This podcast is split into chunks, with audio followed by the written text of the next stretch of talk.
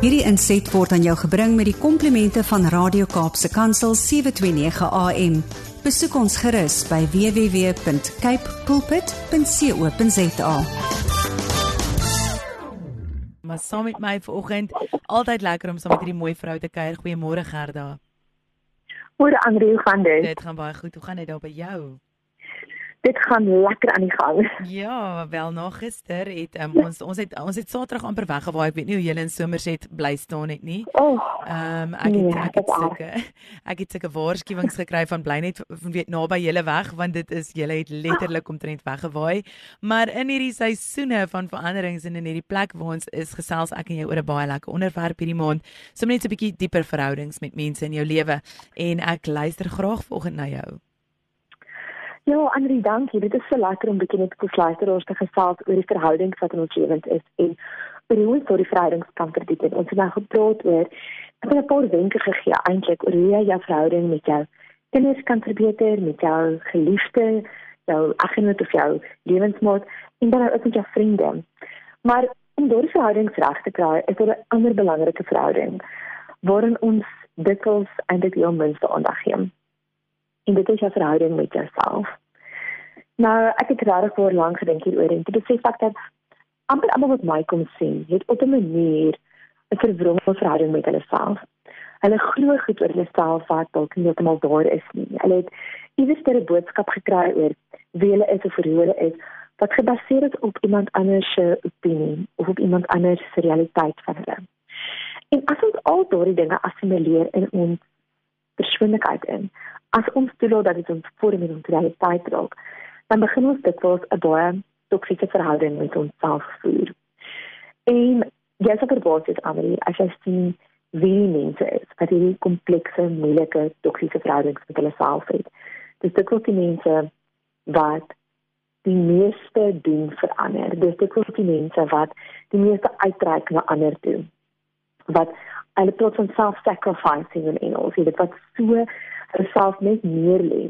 Wat natuurlik as jy Christen is gesien kan word as 'n baie groot um amper eer, jy weet dat jy self-sacrificing is, dat jy dinge vir ander doen, jy lê jou lewe neer. En ek sê nie dit is verkeerd uit 'n teologiese perspektief uit nie, maar as jou verhouding met jouself nie reg is nie. As jy nie jouself kan sien soos wat die Here jou sien nie, dan is die dade wat jy doen, dit wat jy gee vir ander, eintlik maar bietjie hol, bietjie leeg. En ek het vandag met 'n luister ons graag praat oor 'n manier hoe om jou verhouding met jouself net weer te bewerkstellig. Nou, baie mense ek dit begin bespreek sal sê nee, maar hulle is nie van daai selfsugtige mense of daai mense wat so vol van hulle self is nie. En dit is nie altyd 'n goeie verhouding wat jy met jouself het as jy vol van jouself is nie.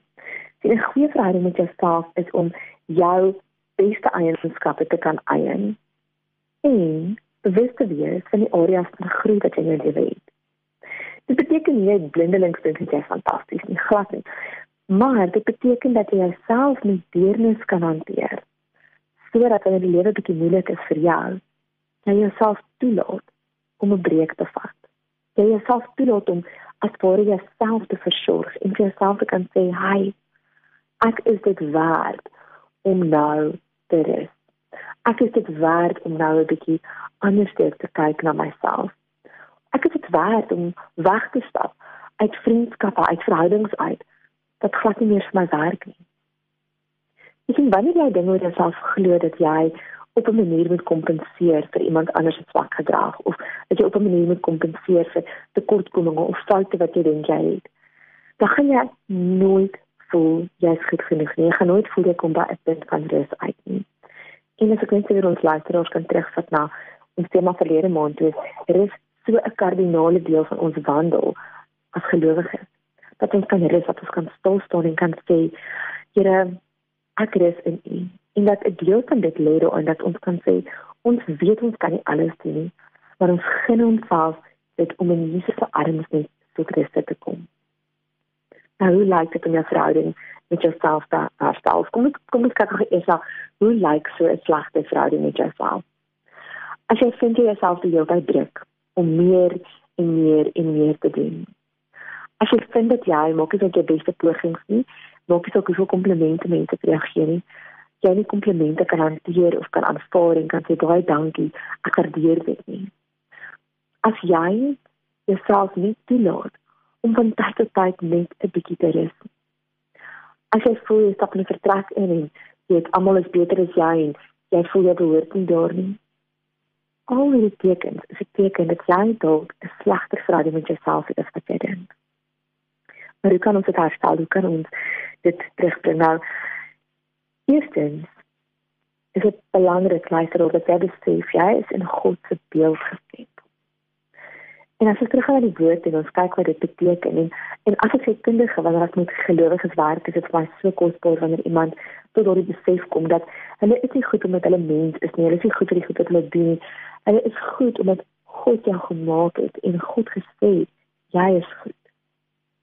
En dan om self voldaan te wees tot met maar om te kan besef dat jy is waardig om te rus.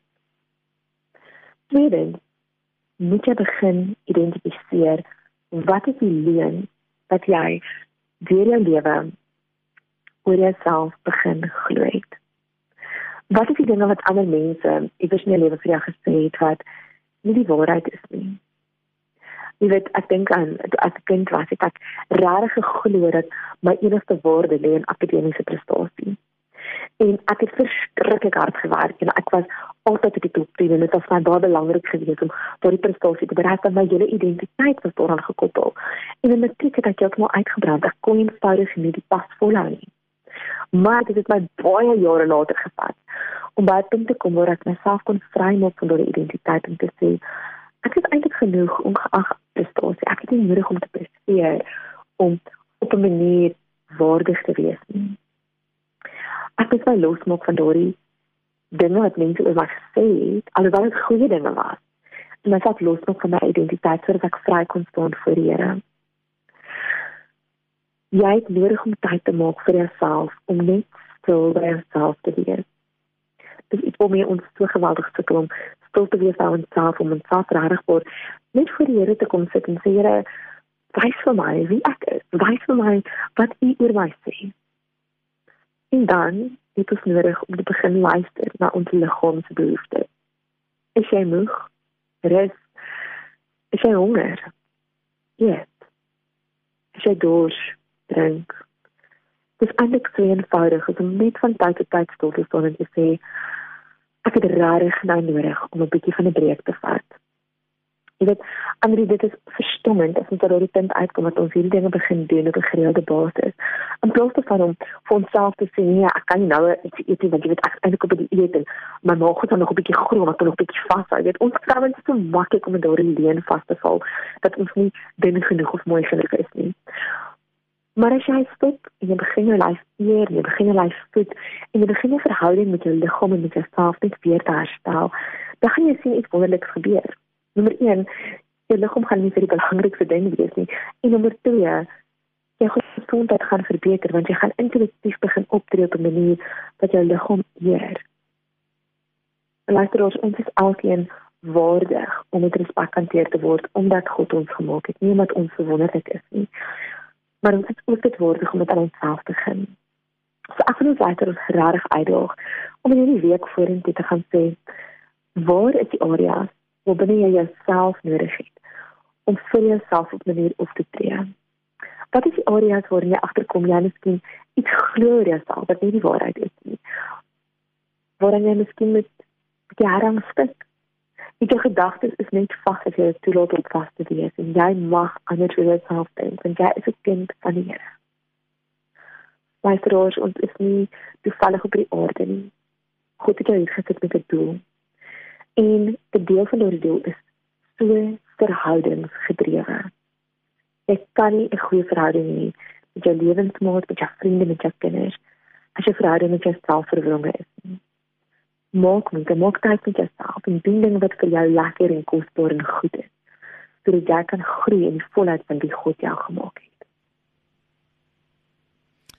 Gerda, ek is ek sit actually so net luister na jou en ek dink by myself Ag, oh, dit is die hardste en waarde waarste woorde wat jy praat ver oggend want Hoe kan jy dat enigiemand anders vir jou lief wees as jy nie vir jouself kan lief wees nie? Hoe kan jy daai mm. plek begin van aanvaarding en aanvaarding van ander mense verwag as jy jouself nie kan aanvaar nie en jouself nie kan wees nie? En dit is Ja. O, oh, jy het met my hart gepraat vanoggend en um, ek was Saterdag op 'n damesoggend in Prins Albert gewees en dit was my boodskap van as jy nie weet uit die stort hy kan klim en hy handdoek kan afgooi en voor 'n spieël gaan staan en begin lief raak vir dit wat jy sien voor jou nie. As ons daai bly mm. ignoreer, hoe kan jy vorentoe gaan om regtig waar in volheid te leef met met wat ander mense van jou dink en hoe hulle oor jou voel? En ehm um, as mm. jy nie daai selfliefde het nie, want dit is dis presies wat jy vanoggend gesê het en daai verhouding is so ongelooflik belangrik. Dankie dat jy met ons jou hart deel, dankie dat jy met ons jou passie deel en is my so lekker om hierdie gesprekke met jou te hê en ek sien uit om volgende week dan nou ook saam met jou te gesels en as daar luisteraars is wat enigsins wil saam inskakel en weet vra het en met jou wil gesels volgende week is hulle so welkom om in te skakel. Ek en jy gaan so 'n bietjie net die hele maand se gesprek saamvat en um, ja ek wil sommer net vir jou sê ek waardeer jou en dankie vir jou liefde en jou en jou tyd in my program Dankie Annelie, dit is wonderlike voorreg om so met jou aan die luisteraars te kuier elke week. Sterkte vir die week vorentoe. Ja, dankie vir jou. So, ons praat volgende maandag. Ek hoop ek het 'n stem en ons hoop ons is ook vrolik. So ons praat weer maandag. Dankie Gerda. Tata. Hierdie inset was aan jou gebring met die komplimente van Radio Kaapse Kansel 729 AM. Besoek ons gerus by www.cape pulpit.co.za.